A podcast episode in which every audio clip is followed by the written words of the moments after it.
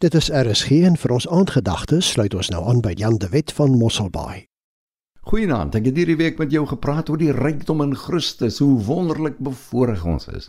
Dat ons kinders van God kan wees, dat ons al die seënings wat in die hemel is, wat aan ons uitgedeel is deur die Heilige Gees, daagliks kan ervaar. God het ons ryk gemaak met sy geestelike presente. Efesiërs 1 gee vir ons 'n hele lys van seënings wat uit die hemel aan ons gegee is. En dan sê vers 4: Nog voor die wêreld gemaak is, het God ons in Christus gekies om heilig en skoon en onberispelik voor hom te wees. Nou deur alle eeue het mense, omdat hulle godsbewussyn het, die vraag gevra: Hoe kan ek wat soveel sonde het aanvaarbaar wees vir 'n heilige skoon God. Hoe kan ek in sy teenwoordigheid kom sonder dat hy my wegjaag? Hoe kan ek hom tevrede stel? Hoe kan ek sy guns wen? En deur die eeue het miljarde mense met miljarde godsdienstige reëls en regulasies en pogings en praktyke probeer om skoon te kom voor hul God.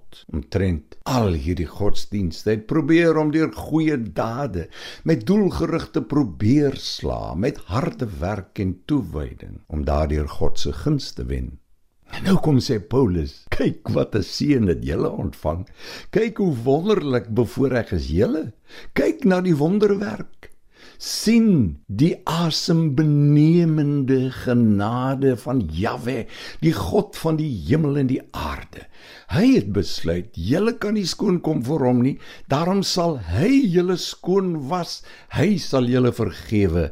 Hy sal julle regstel voor hom. Hy sal julle heilig maak. Hy sal julle silwer skoon was en sonder enige vuilheid laat staan in sy teenwoordigheid. En hoe doen God dit? sê Paulus. Hy stuur sy seun.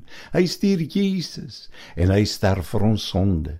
Hy betaal die skuld en hy neem ons sonde skuld weg sodat ons nou by God kan wees. Nee, sodat God nou by ons kan wees, 'n heilige God by 'n gebroke sondige mens.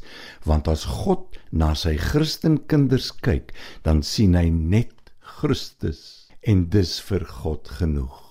Soos Kolossense 1:21 sê, julle was eers God se vyande. Hy was julle vyand, maar toe stuur God Jesus en hy sterf vir julle om julle heilig sonder smet, sonder enige vuilheid en onberispelik voor sy oë te laat staan.